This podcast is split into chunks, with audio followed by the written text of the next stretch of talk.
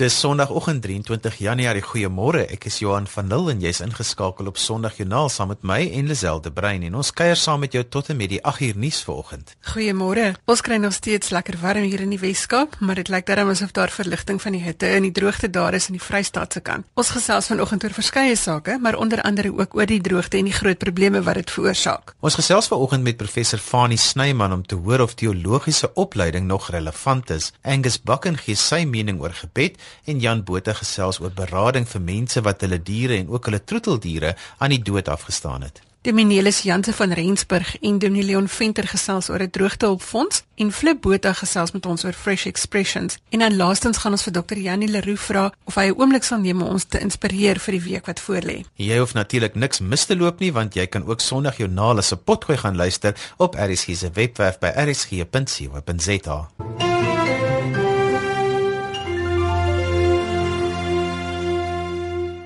Ons staan aan die begin van die akademiese jaar en as al die betogings dit toelaat, is die studente binnekort weer op die kampus.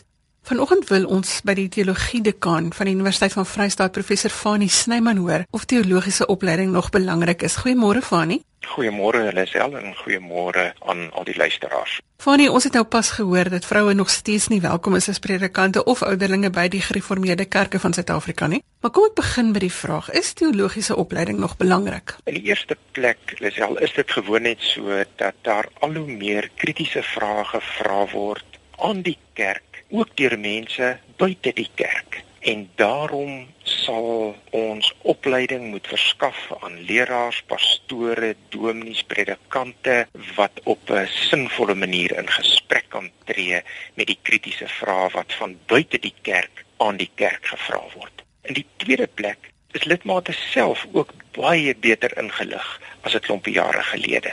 Die dominee, die pastoor, die leraar is nie meer die enigste bron van inligting oor die Bybel in die kerk en hierdie tipe van goed nie. Intussen is die internet by ons en lidmate lees baie wyer as 'n klompie jare gelede. Ons moet as teologies opgeleide persone geloofwaardig kan praat oor die Bybel, oor kerk, oor God. En dit self die woordjie geloofwaardig is vir my so 'n mooi woord. Ons moet waardig ons geloof praat, maar ons moet ook geloofwaardig praat in die sin van dat ons die waarheid praat, dat ons 'n geloofwaardige getuienis bied oor dit waaraan ons glo. En dan net vinnig in die derde plek, die groot konflikte wat vandag in die wêreld om afspeel, is godsdienstige konflikte. Godsdienst speel nog 'n geweldige rol in gemeenskappe in Suid-Afrika en in die wêreld en daarom is teologiese opleiding belangrik. Van is hoe verskil teologiese opleiding nou vandag teenoor 'n paar dekades gelede? Ek dink daar het groot verskille gekom so met die loop van die tyd. 30, 40 jaar gelede was die klem by teologiese opleiding op volume. Teologiese studente is oorlaai met dik boeke wat hulle moes deurworstel. Vandag is die fokus van die opleiding veel meer op inhoud, met ander woorde, minder in volume, maar met 'n baie groter klem op die toegespitsheid van die inhoud van wat ons aanbied. Vroeger is elke vak byna in isolasie gedoseer. Vandag is daar 'n veel groter klem op die integrasie van teologiese dissiplines onderling. Klompie jare gelede was teologiese opleiding abstrak.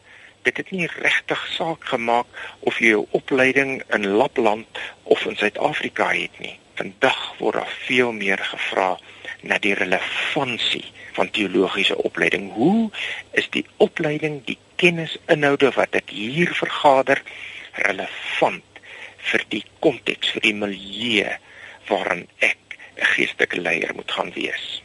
'n Laaste dingetjie net. Vroeger is teologie doseer uit handboeke wat teologiese professore voorgeskryf het. Vandag lees studente baie wyer as net dit wat teologiese dosente vir hulle sê om te lees daar's die internet, daar's Wikipedia, daar is soveel inligting, teologiese inligting beskikbaar op die internet dat studente net veel meer geïnformeerd is as dit wat die dosente vir hulle voorskryf in die teologiese handboeke. Ek dink wat gewone gelowiges se knieë afkap en maak dat hulle nie kan beweeg nie, nê. Is dat partykeer dan kom 'n teoloog en dan sê hy, maar hierdie was eintlik 'n verkeerde vertaling en my interpretasie is dat dit so is. En dan kom 'n ander teoloog en hy sê, nee, maar dis eintlik nie reg nie want jy moet nou eers dit in ag neem. Hoe moet ons as gewone gelowiges hiermee omgaan? Ons leef in 'n tyd waarin opsies, verskeidenheid die wagwoord is dit is ongelukkig iets waarmee ons moet vrede maak in ons tyd.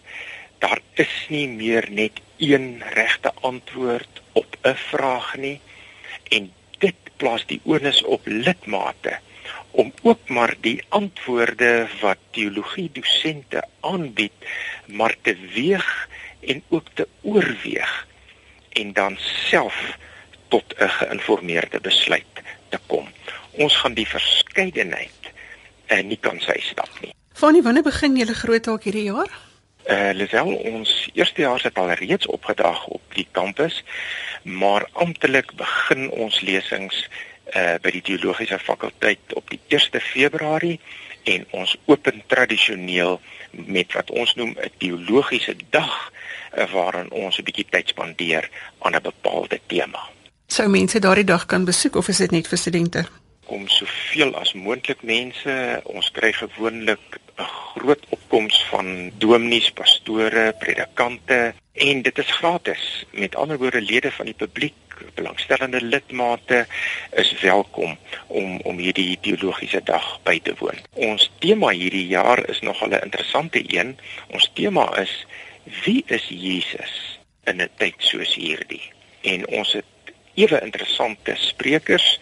Ons een spreker is professor Elna Meton, sy is professor in Nuwe Testament aan die Universiteit van Stellenbosch en ons ander spreker is professor Stefan Joubert.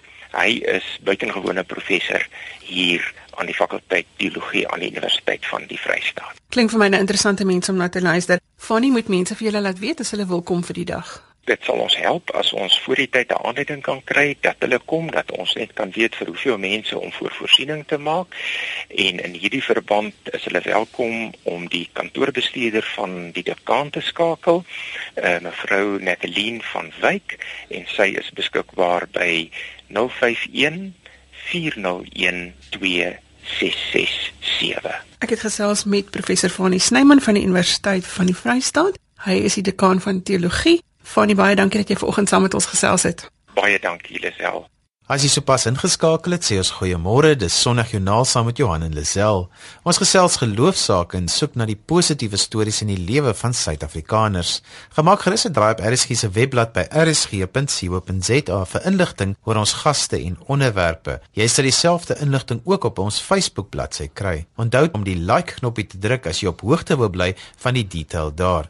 Ons is soos gewoonlik elke sonoggend hierdie tyd saam met jou tot en met die 8uur nuus. Angus Bakken het binnekort op die 30ste Januarie 'n gebedsgeleentheid in Bloemfontein by Naval Hill en Lisel het met hom gesels oor die droogte en gebed. Gelowiges in Suid-Afrika is op hulle knieë weens die droogte en daar's daagliks letterlik 20 e-posse in my inbox of op my foon met versoeke dat daar gebid word vir reën en in die afgelope week of twee het ons foto's gesien van dansende boere waar dit wel begin reën het. Vanoggend gesels ons met Angus Bakken oor gebed en die gesindheid waarmee daar gebid moet word. Good morning Angus.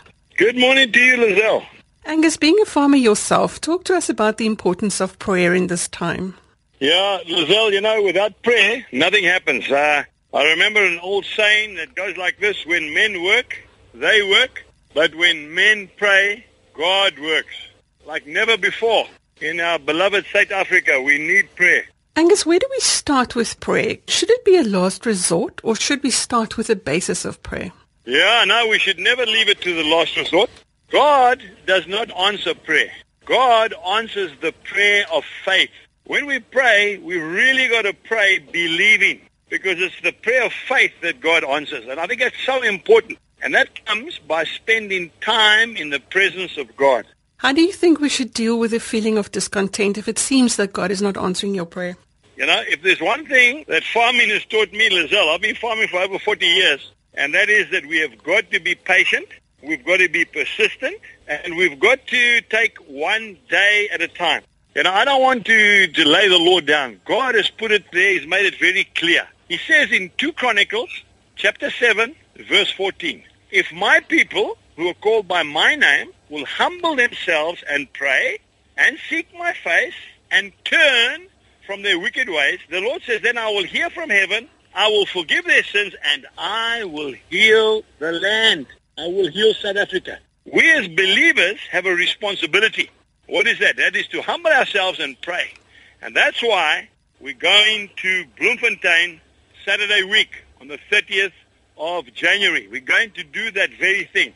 The people are coming. They're coming from all over to beseech the Lord and ask him to please have mercy on our beloved country and send rain. But not only physical rain, Lizelle. I'm talking about spiritual rain as well. We need a revival in this country. You see what happens with people? When it rains, you get one or two thunderstorms, then nobody wants to pray, you see? But we're not praying about a thunderstorm. We're praying about a change in the dynamics of our nation. It's never too late. We need to get back to God. He will not fail us, but we need to humble ourselves and seek his face and he'll do the rest. Die gebedsgeleentheid vind plaas op die 30ste Januarie om 10uur by Naval Hill in Bloemfontein en saam met hom Angus tree Joe niemand ook op. Die hekke maak reeds kwart oor 8 oop en gratis kaartjies is beskikbaar by iTickets. Ons gesels geloofsaake tot en met die 8uur nuus en volgende gesels Lisel met Dominee Jan Botha oor die afsterwe van 'n mens se troeteldiere. Met die droogte op hande het ons gesien hoe diere vrek sonder kos Ons het gehoor van boere wat hulle vee moes los by die fundisie wat hulle nie verkoop kon kry nie en dit is alles regtig hartverskeurende situasies. Jan Botha is daar van die Moedvallei in Pretoria en hy's 'n pastorale beraader en ons gesels vanoggend oor die hantering van die dood van 'n troeteldier. Goeiemôre Jan. Goeiemôre Wel en luisteraars. Jan, kan 'n mens berading kry vir die dood van jou troeteldier of ander diere, net soos wat 'n mens byvoorbeeld sal kry by die afsterwe van 'n mens as dit nou nodig is? Man ja, ek is 29 jaar in 'n pastoraal spreekkamer voltyds en ek maar in 'n as jy vra hoeveel mense ek al gesien het, al kinders maar volwassenes en veral ouer mense wat so kwesbaar is oor 'n troeteldier wat sterf, dan kom jy agter troeteldiere is so belangrik. Hulle lewe saam met my, hulle is deel van my menswees. Ek het my hartsvriend verloor. 'n buddy of hartsvriend en ek dink dit is wat 'n troeteldier is. Die oomblik as ek selfs my troeteldier verloor, 'n hondjie, kat, 'n voeltjie, selfs 'n dragon of 'n slang wat die jonges uitervarkies wat hulle aanhou of 'n boer wat sy vee moet laat uitsit of doodskiet, dan raak dit jou diepste menswees want dit gaan oor God se skepping wat aan jou toevertrou word al is dit 'n troeteldiertjie en dit gee baie keer soveel waarde, voegwaarde toe op in jou eie lewe. Jy raak so geheg aan hierdie hond en sy sterf baie altyd en is altyd vriendelik en eensklaps is hy dood of hy het weggehardloop met die Guy Fox of Kers uh nuwejaarsvieringe en daar gaan hy en hier sit ek stoksiel alleen. En ek dink dit is 'n uh, faset van menswees wat ons baie keer onderskat en grappies maak daaroor en wat baie keer nie hanteer word nie. En hoeveel mense loop vir jare met daai seer en is skaam om te praat oor my troeteldier wat dood is. En uh daarom sê ek dis tyd dat ons daaroor begin praat en lees en ook kyk hoe kan ons mense veral kinders begelei op die pad van heling en ook om uh, met die dood saam te lewe. En in Nuwe Suid-Afrika leef ons elke dag met die dood op verskillende maniere saam maar dit is 'n goeie proses om veral kinders voor te berei oor die proses van die dood. Sou dit dan aanknopingspunt wees sodat 'n mens die dood in die geheel kan hanteer? Ja, ek dink dit is wonderlik want as 'n kind se se budgie doodgaan of kanarietjie of 'n troeteldier, dan is daar vrae oor hoekom is hy dood? En baie keer hy het weggehardloop en 'n motor het hom raak gery of baie keer in ons geval het 'n uh, rower oor die muur gespring en my douer en min geskiet. En nou moet ek vir kinders by die uh, sonnaarskool verduidelik uh, hierdie hond is nou dood wat nou? Hoekom huil mense oor 'n hond? Want die Here het die hond ook gemaak en hopelik gaan hy eendag in die hemel soos in die paradys op diere en plante en alles wees en ek dink dis 'n hele vraag na die sin van die lewe en daarom moet ons dit veral met kinders maar ook met ouer mense daar's baie studies wat gedoen is wêreldwyd oor die waarde wat 'n troeteldier toevoeg so dit gaan oor verantwoordelikheidsin vir 'n ou persoon of 'n ouer mens of 'n jonk kind om die dier te versorg. Dit gaan oor lewenssin. Baie keer ek moet lewe want hierdie dier kan nie sonder my lewe nie. En so hou baie ou mense veral en kinders aan om wat terminaal siek is of krisis het om aanhou aan te lewe want hierdie dier is afhanklik van my. Sou ek iets doen of doodgaan wat van hierdie arme dier? En dan dink ek wat ons deesdae baie sien en lees van is dat trippeldiere terapeutiese waarde het. Siektes soos demensie, kanker, uh ouer mense, gestremdes ensovoorts 'n troeteldier as jy vat aan hom of 'n kat wat op die skoot sit of 'n voeltjie wat mooi fluit, heg waarde toe in jou lewe en gee sin en laat jy weet iets van God se skepping, God se nabyheid, God se omgee en vertroeteling uh, uh ervaar elke oomblik as jy betrokke is by hierdie dier. So dis belangrik dat 'n mens deur die proses gaan. As sê nou maar jou kind se hamster is dood, dat 'n mens deur die proses gaan van die begrafnis en uh, dit nie dit noodwendig vir hulle wegsteek of miskien 'n nuwe enetjie gou-gou koop sonder dat hulle weet die ander een is weg nie. Nee, ek dink uh soos by menslike rousmart, rousmart word gedefinieer as 'n menslike reaksie op verlies en ek dink daar's 'n klomp goed wat losraak uh, as iets doodgaan, dit gaan oor die persoonlike gehegtheid aan die dier. Dit gaan oor hoe hierdie verlies ontstaan het. Hy weggeloop, as hy plat gery in die pad, uh, is hy geskiet, 'n boer wat sy diere moet skiet en dan uh, die verlies is baie keer skielik, is voortydig of ja soos gesê dit gewelddadig en elkeen van hierdie uh, dinge moet aangespreek word in die hele proses. En ek dink dokter Rassie van die kerk het gepraat oor treurtake die oomblik as iemand of iets in in die geval 'n troeteldier naby jou doodgaan, dan gaan dit oor die aanvaarding van die feit van die verlies wat ek 'n kind sal moet begelei of 'n ouer mens of myself. Die tweede gaan oor die ervaring van die intense pyn van die treurproses, dan die aanpassing by 'n nuwe situasie. Die diertjie is nou begrawe en ons het daaroor gepraat en 'n uh, seremonie daarvan gemaak en oor die hele proses van die dood en die sin van die lewe gepraat.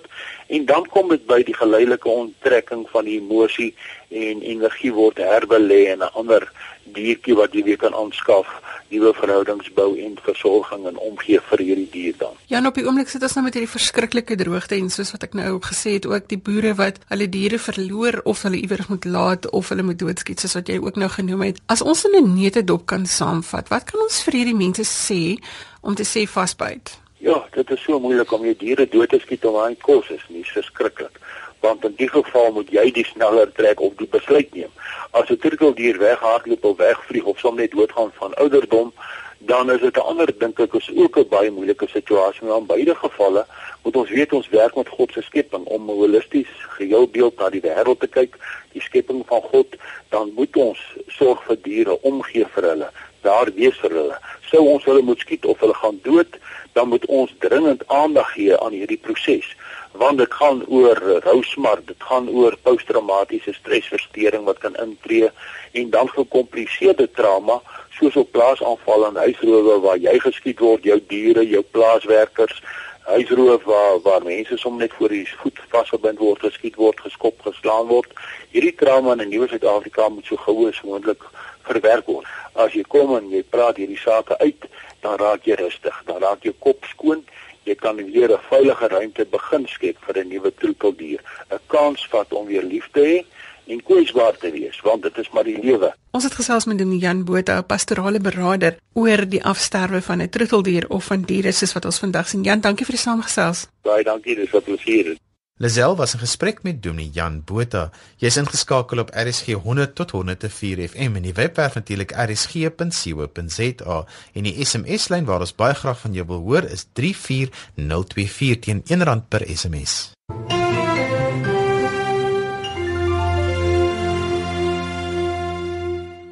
Dominee Philip Botha is die spanleier van Fresh Expressions, die beweging hier in Suid-Afrika, en hy sluit vanoggend by ons aan om so 'n bietjie weer vir ons hieroor detail te gee. Goeiemôre Philip.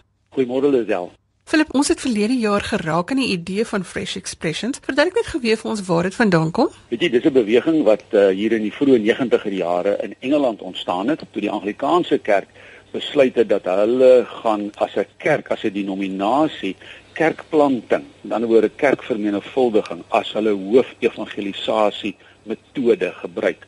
En toe die kerk begin met hierdie prosesse van kerkplanting en en dis 'n bietjie 'n ander soortige manier van kerkplanting. Dis maar nie net om weet wat die moeder doen weer te herhaal nie. Hoekom dit dan nou ook vars uitdrukkings van kerkwees genoem word is omdat dit bietjie anders is. Dis ander soortige maniere van nuwe geloofsgemeenskappe daar te stel. En uh, dit is 'n beweging wat wonderlike gevolge die laaste 20 jaar gehad het. In die Anglikaanse kerk het meer as 1000 sulke nuwe geloofsgemeenskappe in Engeland gevestig en die Methodiste kerk het by die 950 gevestig. So die die beweging het regtig nogal 'n impak in Engeland gehad. So hoe werk die beweging? Dis 'n nuwe manier van kerk wees vir mense wat nie meer tuis voel in die bestaande en historiese manier van kerk wees. So vir baie van ons mense is is baie gemaklik nog tuis daarmee, maar daar is ook al groter wordende groepering van mense wat regtig nie gemaklik is met die tradisionele manier van kerk wees nie. En hierdie beweging wil graag ruimte skep en wil gemeentes en predikante en kerkrade aanmoedig om ander soortige geloofsgemeenskappe te skep waar die mense wat nou nie meer tuis is by die bestaande en die erkenning kan tuis wees en hulle self kan uitleef. En weet jy dis my wonderlik, die groot denominasies in Suid-Afrika, meeste van hulle het reeds baie positiewe besluite geneem om te sê ons wil nuwe tipe geloofsgemeenskappe daar staan waarvan die NG Kerk familie een is. So dis baie wonderlik om deel daarvan te kan wees. Flip nou die waardes van die beweging, is dit min of meer dieselfde? Ja, weet jy, eh, ja, natuurlik is vernuwing natuurlik 'n baie belangrike deel daarvan, maar as ek miskien vir jou die kernwaardes, hulle het nou weer later nog 'n verslag uitgebring waar hulle gaan sê, maar hoe lyk meeste van hierdie gemeentes en toe het hulle so 'n paar waardes geïdentifiseer wat in hierdie nuwe geloofsgemeenskappe. Die eerste een is dat daar 'n gerigtheid op God, die drie enige God. Dis baie belangrik. Met ander woorde, dit is nie net om net lekker bymekaar kom nie. Daar's 'n duidelike aanbiddingsgerigtheid van God. Dan 'n tweede wat 'n interessante waarde is, is dat hierdie geloofsgemeenskappe is op voetspoor van Jesus se koms na die aarde toe na ons toe verloor net beweeg hierdie gemeenskappe baie sterk uit na waar mense is en en om by mense uit te kom. En nie in die eerste plek verwag mense moet na ons toe kom nie. Jy weet ons ou manier van kerk is baie keer gewees dat ons wil mense aantrek na ons. Hierdie een is sê nee, ons wil na mense toe gaan waar hulle is en ons wil met hulle saam pad loop en dan wil ons 'n nuwe geloofsgemeenskap saam met hulle vestig. So dis 'n tweede een. Die derde een is gerig op verandering, transformasie. Dit wil regtig 'n impak maak op gemeenskappe en families en en in 'n dorp en in 'n stad dit is nie kerk vir onsself nie. Dis 'n kerk wees, 'n manier van kerk wees wat regtig wil 'n impak maak om om gemeenskappe te help verander na 'n beter plek toe. So ek dink ons het dit in Suid-Afrika regtig baie nodig.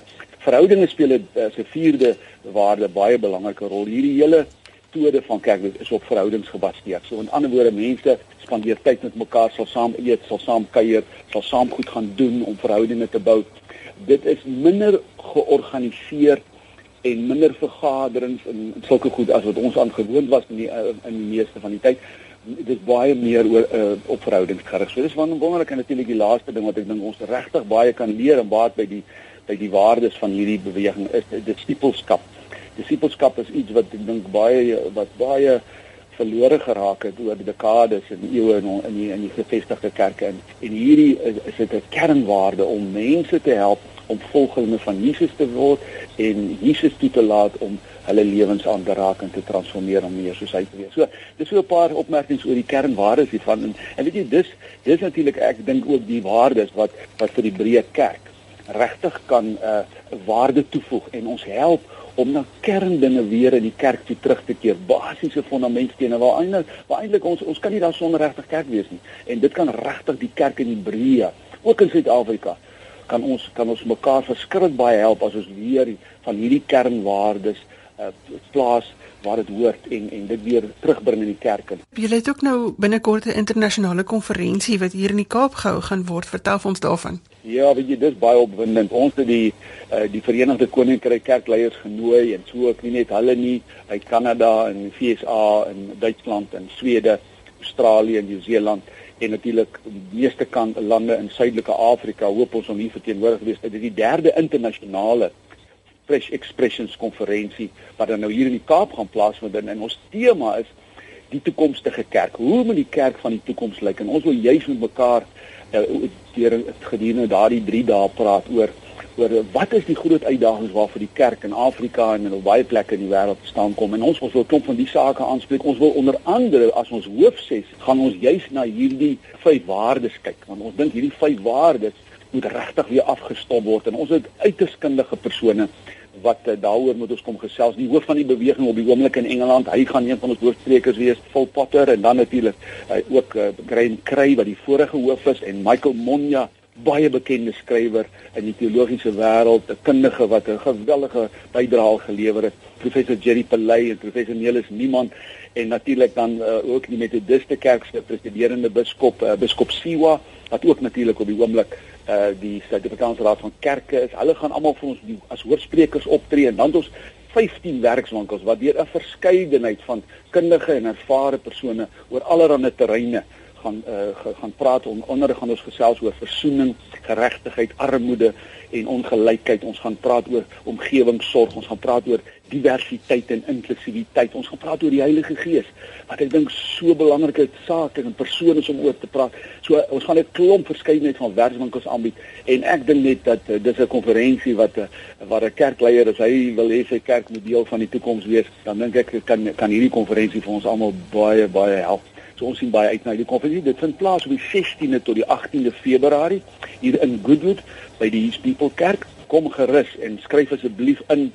Uh, jy kan maar net na die webblad toe gaan. Ek maar kan sê wel, die webblad is www.freshexpressions.co.za. Alle inligting is daar en kyk na die programmetjie. Telefoonnommer om te skakel is 021 557 9776. Dis 'n kantoornommer wat jy gerus kan skakel as jy meer inligting wil hê en en dan 'n selnommer 082 82 32272. Ek dink dis 'n baie belangrike onderwerp veral sien dit ons nou nog steeds besig is met kerke wat moet besluit of vrouens predikante kan wees. Dit voel vir my dat hierdie uh, 'n uh, beweging is wat na die toekoms te kyk en nie na die verlede nie. Vir baie dankie dat jy met ons saamgesels het vanoggend. Baie dankie Lisel. Is baie bly om lekker met jou te kon gesels vanoggend.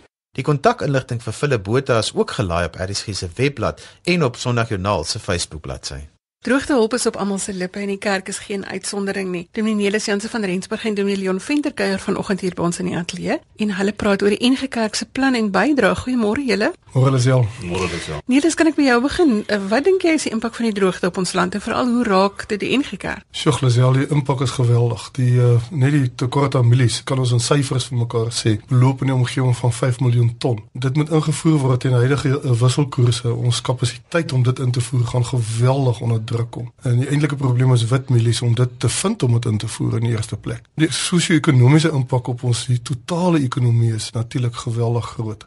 Voedselsekuriteit kom in gedrang. Ons is bekommerd daaroor dat meer en meer mense regtig gaan 'n probleem hê om toegang te hê tot kos. So die uitkrinne impak hiervan kan geweldig wees en dit is reeds daar. So ons is inderdaad baie baie bekommerd oor die impak. Nou die NG Kerk het die aard van die saak word daardeur geraak want is ons lidmate wat baie keer landbouers is en ons lidmate baie van ons lidmate se werknemers wat daardeur geaffekteer word. Mense vir wie ons omgee en vir wie ons lief is en wat saam met ons lidmate elke dag in diens is en werk en ons is die besorg oor die leed wat dit veroorsaak uit die aard van die saak ook die hele ekologiese stelsel wat onder geweldige druk is, diere en dis meer. So ja, dit het omvattende implikasies. Leon is my so belangrik dat die kerk om die tafel sit. Want soos wat Niels nou gesê het, jy weet dit's van die lidmate, dit lyk asof hulle op baie plekke nie hulp kry nie, so hulle kom dan ook na die kerk toe. Julle het die projek NG Droogtehulp begin. Vertel ons van die inisiatief. Ek dink dit is belangrik om te sê dit het uit gemeentes uit begin. Die eerste wat dit onder ons aandag gekom het,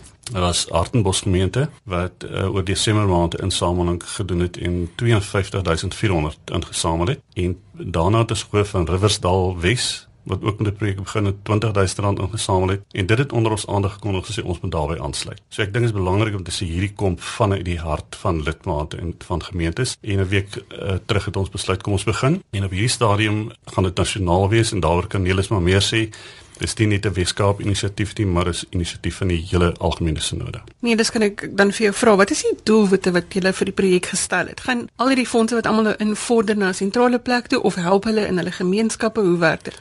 Nee nee, inderdaad wil ons dit versprei waar die nood die grootste is. Uit die aard van die saak is daar plekke in ons land wat baie direk geraak word of meer geraak word deur die droogte. In die sentrale dele van ons land, noordelike dele van ons land veral. En ons wil regtig dit wat ingesamel word tot beskikking stel van die mense wat die ergste geraak word. Kan ek sê dat ons eh, het aanvanklik gesê kom ons kyk of ons 2 miljoen rand bymekaar kan maak, want dit was maar aanvanklik 'n merker bedrag geweest. Ons uh, kyk ook na, na ons lidmate en sê as daar mense is wat voer het, byvoorbeeld byvoorbeeld hooi het, dan vra ons steek hand op laat ons weet van julle. Ons sal reël, jy weet dat ons kyk hoe ons met ander organisasies kan saamwerk om die voer beskikbaar te kry vir die mense wat die ergste onderdruk is. Ook mense wat vervoer het. Eh, daar's baie van ons lidmate wat uh, in vervoerbedryf is en wat vir ons kan help daarmee en dit reeds doen. So daar's baie maniere hoe lidmate betrokke kan wees. Ons vra vir gemeentes uh, samel kollekte in sodat elke ou wat uh, R10 kan bydra, dit kan doen. So dit is nie net die groot bedrae nie en dan natuurlik kom lidmate na vore met uh, met enkel bedrae wat hulle bydra tot uh, ons fonds wat ons dan nou beskikbaar maak. Wat ons ook wil doen is en veral op wil fokus is op menslike nood en lyding. Vir ons as kerk is dit uit die aard van die saak baie baie belangrik. Jy weet in die begin van die jaar met kinders skool toe gaan, plaaskinders. En hulle situasies om te kan skool toe gaan is is 'n gedrang. Ons plase is ver afgeleë van ons boere, landbouers se kontantvloei is geweldig onder druk. En dit is regtig 'n situasie waar ons in die mees basiese behoeftes van mense graag wil sien dit het nou op begin reën in sekere gedeeltes van die land, maar dis wat soos jy voorheen gesê het, dit reën nie geld nie, dit reën nie kontantvloei nie, dit reën ook nie diesel nie. Alsou dit nou oral reën en dit het nog nie oral gereën nie. Daar's plekke wat regtig veel wil sê ek het met uh, landbouers in die in die Noord-Kaap gepraat uh, net onlangs uh, gister eergister nog waar dit knellend droog is. Jogg die verhale wat ons hoor van van ons lidmate is skrikwekkend en ook ander mense. Terloops wat ek net sê, ons wil nie net ons lidmate help nie, ons wil almal help. Ons gee nie om wie die ouens is in nood nie. Die, uh, ons gee nie om van watter kerk hulle is nie. Ons wil regtig help waar daar nood is. En nie om iets daar uit te kry of wat ook al nie. Ons wil net uh, mense graag help. Dit is hoe die evangelie immers werk. Uh, dis mos nou 'n evangelie van genade wat ons ook in hierdie projek in werking wil hê. Maar die die werklikheid is al sou dit uh, vandag oral reën, sal die impak van die droogte nog baie baie lank met ons wees. Dit gaan nie gras en geld reën nie. Dit dit gaan tyd vat voordat ons regtig weer die normale siklus van kontantvloei in baie van ons landbouers se lewe en se bedrywe herstel sien en die, die impak soos ek sê wat dit het op die plaaswerker gemeenskappe, die kleiner dorpe, die ekonomie van dorpe, die koopkrag in dorpe is net geweldig geaffekteer hierdeur. So ons gaan vir baie lank nog 'n bydrae moet maak. Leon, hoe bring julle hierdie dinge onder mense se aandag en dan in dieselfde asem is die predikant op die platteland toegerus om hierdie boere by te staan? Ek dink die eerste belangrike ding is dat uh, die dominees nog nie almal die van weet of gemeentes dat ons hiermee begin het, ons het 'n week en 'n half gelede hiermee begin. Die tweede ding is dat uh, dis eerste eerste keer dat ons 'n projek van hierdie omvang en aard probeer aanpak. So ons vind ons voete. Ons het 'n paar dinge wat ons graag wil bereik en en ons het dit nog nie vir mekaar gesê nie. Die eerste ding wat ons graag wil bereik, so elke gemeente en elke predikant betrokke hier te kry en die, die manier waarop ons dit wil doen ons sal vir hulle hierdie week nog uh, wat wat kom of baie van hulle in die week wat by is reeds inligting gekry. In die Weskaap het reeds inligting gekry. En die res van die land sal dalk in die komende week of twee. Maar die inligting gaan behels dat ons hulle vra dat hulle uh, elke Sondag tot en met Pinkster 'n gedeelte van die erediens afstaan aan gebed en verootmoediging voor God sodat almal weet dat ons in hierdie hele proses afhanklik is van God. Dis die eerste ding. Die tweede ding ook dat ons geroep word in hierdie tyd om ons seën te wees vir ander in nood. En dan moet ons kyk hoe gaan dominees betrokke raak en hoe gaan gemeentes betrokke raak en hoe gaan individue opstaan en ons ons moet dit benut want ons sit hier in die Kaap. Ons is afhanklik van mense wat op die plekke is waar waar die nood is. Maar ek dink die belangrikste is dat mense onderstreep dat jy is hier, daar is iets aan die gang, se mense kan skakel en kan sê Hoe kan ons help of ons het hulp nodig? Presies, ons kantoor van diensgroep armoede en sorg, dis nou ek self en die personeel wat daar is, die sekretarisse en uh, my kollegas, ons gaan die administratiewe hub wees van hierdie hele proses. Dit gaan ook bevorder word deur die algemene sinode, maar in die, in die Kaap sal ons die administratiewe kantoor wees. Ander sinode sou ons kon gebruik as hulle wil, maar kan ook hulle eie administratiewe kantoor gebruik en ons kan later die e-posadres en telefoonnommers gee as dit nodig is. So Leon, hoe lank dink julle gaan hierdie projek nou voortgaan? Aanvanklik dink ons ons wil daarmee voortgaan tot en met die aanbreek van Pinkster, omdat dit 'n tyd van verootmoediging is en omdat ons moet leer, maar ek dink dit gaan die einde wees soos Nelis gesê het, die droogte gaan nie teen my maand verby wees nie. Lisel, kan ek gou sê ons het 'n nasionale netwerk van maatskaplike dienste te die NG Kerk en uh, ons is absoluut bevoorreg om dit te kan hê met maatskaplike dienskantore regtig op, op baie wyd uitgebreide basis reg deur die land. Dit word gekoördineer deur ons uh, kommissie vir maatskaplike dienste raad wat 'n uh, eh, nasionale kommissie is van die kerk um, en ons werk ten nouste met hulle saam. Die gedagte is ook om uh, van hulle dienste gebruik te maak sodat daar ordentlike assessering kan plaasvind op uh, die verskillende plekke van waar die hulp regtig die nodigste is. Leon, jy het vir ons kontak detail beloof. Ja, ek gee dit graag. Dis leon@kaapkerk.co.za of omgee@kaapkerk.co.za en die telefoonnommer is 9577110. Ek het gesels met Dominee Nelis Jansen van Rensburg en Dominee Leon Venter oor die kerk se bydrae tot aksie die opsigte van die droogte wat tans heers. Baie dankie Nelis, Leon vir julle bydrae vanoggend. Dankie Lisel. Die kontakdetail wat Leon vir ons gegee het, sy e-posadres is leon.leon by kaapkerk.co.za en die telefoonnommer is 021 9577110. Leon, is daar enige Facebook bladsy of webwerf waar mense kan gaan? Daar's 'n webtuiste ngdroogtehulp.co.za waar ons net aanwys hoeveel geld ons reeds ingesamel het. Uh die laaste wat ek van bewus is is so 272000 en dan ook is Facebook bladsy uh, NG Droogtehulp.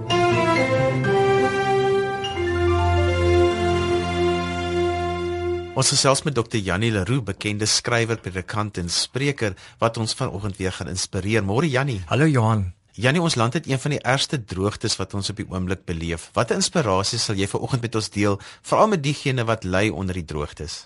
Johan, my ouers het in die plaaslike boerekoöperasie in Beaufort Wes gewerk en van jongs af het ek die effek van droogtes op mense se lewens gesien. Dit was altyd so hartseer om 'n boer se teleurstelling te sien as hy hoor die voer vir sy diere het nog nie opgedaag nie. Ek onthou my pa langs die spoorlyn gery het om te kyk of die treine daai jare die trokke nie al ingekom het met die voer nie. Of om mense te sien oppak om te trek omdat hulle werkgewer hulle nie meer kan bekostig nie. So dis aklig om te sien hoe die mooi landerye verwelk en die diere eenvoudig wegkwyn. So ja, die hartseer van droogte is intens. Wat vir my opval ons land en baie baie kosbaar is, is mense se toevlug na God in tye van droogtes. Dit is verblydend om te sien hoe mense hulle afhanklikheid van God so ernstig neem dat hulle hulle toevlug na gemeenskaplike gebed neem. Droogte vra nie vir jou watter kerkgroep jy behoort of watter finansiële status jy het nie. Droogte raak almal. Daarom is dit so wonderlik dat mense mekaar se hande vat in gebed oor al hierdie grense heen.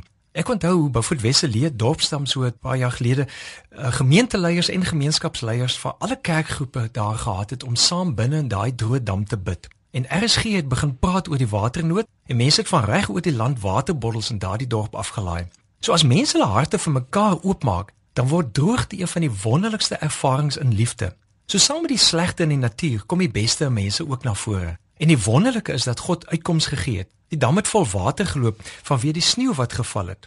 Ons sien ook nou hoe mense se harte vir mekaar oopgaan en konvoë vragmotors met voer geskenk word om ander in nood te help. Ek kry sommer hoendervleis van opgewondenheid toe ek die foto's sien van daai lang rye vragmotors wat die voer geneem het na waar ander dele in ons land in droogte gebuk gaan. En daai wonderlike vreugde wat loskom as mense opreg gee en ander mense opreg ontvang. Ons hoor ook nou van reën wat op plekke val. Dis van die aangrypendste fotos as mense dan in die reën op hulle knieë val en vir God dankie sê. Dis net iemand wat so desperaat gedors het, wat so drasties dankbaar kan wees. Janie, maar moet mense hulle sondes bely voor 'n droogte gebreek kan word? Kom ek vertel eers hierdie kostelike verhaaltjie. Eendag woon ek in 'n plattelandse gemeente 'n middag vir reën by en daardie tyd se jong dominee klim toe onder die boere in om hulle sondes te bely. Wat het ons gesondig dat dit nie meer hier by ons so reën nie? Bildery. Nou toe ons uitstap by die kerk na die gebede, stap ek agter twee ouer boere. Ek hoor die een sê vir die ander een: "Ek verstaan nie hierdie jong dominee vir ons nie. Hy sê ons sondes moet ons bely. Dis hoekom dit so sleg hier gaan. Maar ek doen my sondes in die Kaap en daar reën dit aanhoudend. So die een wonderlike hulp wat God ons gegee het, is ons humor. Die een ding wat ons moet vashou is dat God 'n genadige God is wat altyd weer uitkoms gee. Die Bybel sien 'n droogte as 'n geleentheid om weer na jou hele lewe te kyk en die dinge reg te maak wat verkeerd is, maar veral en dis eerder die belangrike om jou vertroue in God en jou afhanklikheid van God te bevestig. Psalm 46 vers 2 stel dit so duidelik. God is vir ons 'n toevlug en 'n beskerming. Hy was nog altyd bereid om te help in nood. Die punt is Droogtes kan alles laat kwyn, maar daar's terselfdertyd geestelike en gemeenskapsgroei wat kan gebeur en God se ingryping wat beslis gaan gebeur. Dankie Jannie, ons kan meer van Jannie lees by sy blog by www.jannieleroux.co.za of jy kan vir hom skryf by jannie@jannieleroux.co.za. Ek groet tot later vandag vir ons in die onderwys. Net hierna kom die 8uur nuus van my Johan van Lille. Totsiens. Jy kan vir my 'n e-pos stuur met kommentaar of as jy jou geloostorie met ons wil deel by Lazel L E Z E L E by www.media. Let tog daarop dat dit net 2 wees is en nie 3 nie. .co.za. Of jy kan ook vir ons 'n boodskap stuur deur die webwerf by rsg.co.za. Tot volgende week groet ek ook namens produksieregisseur Neil Roo. Totsiens.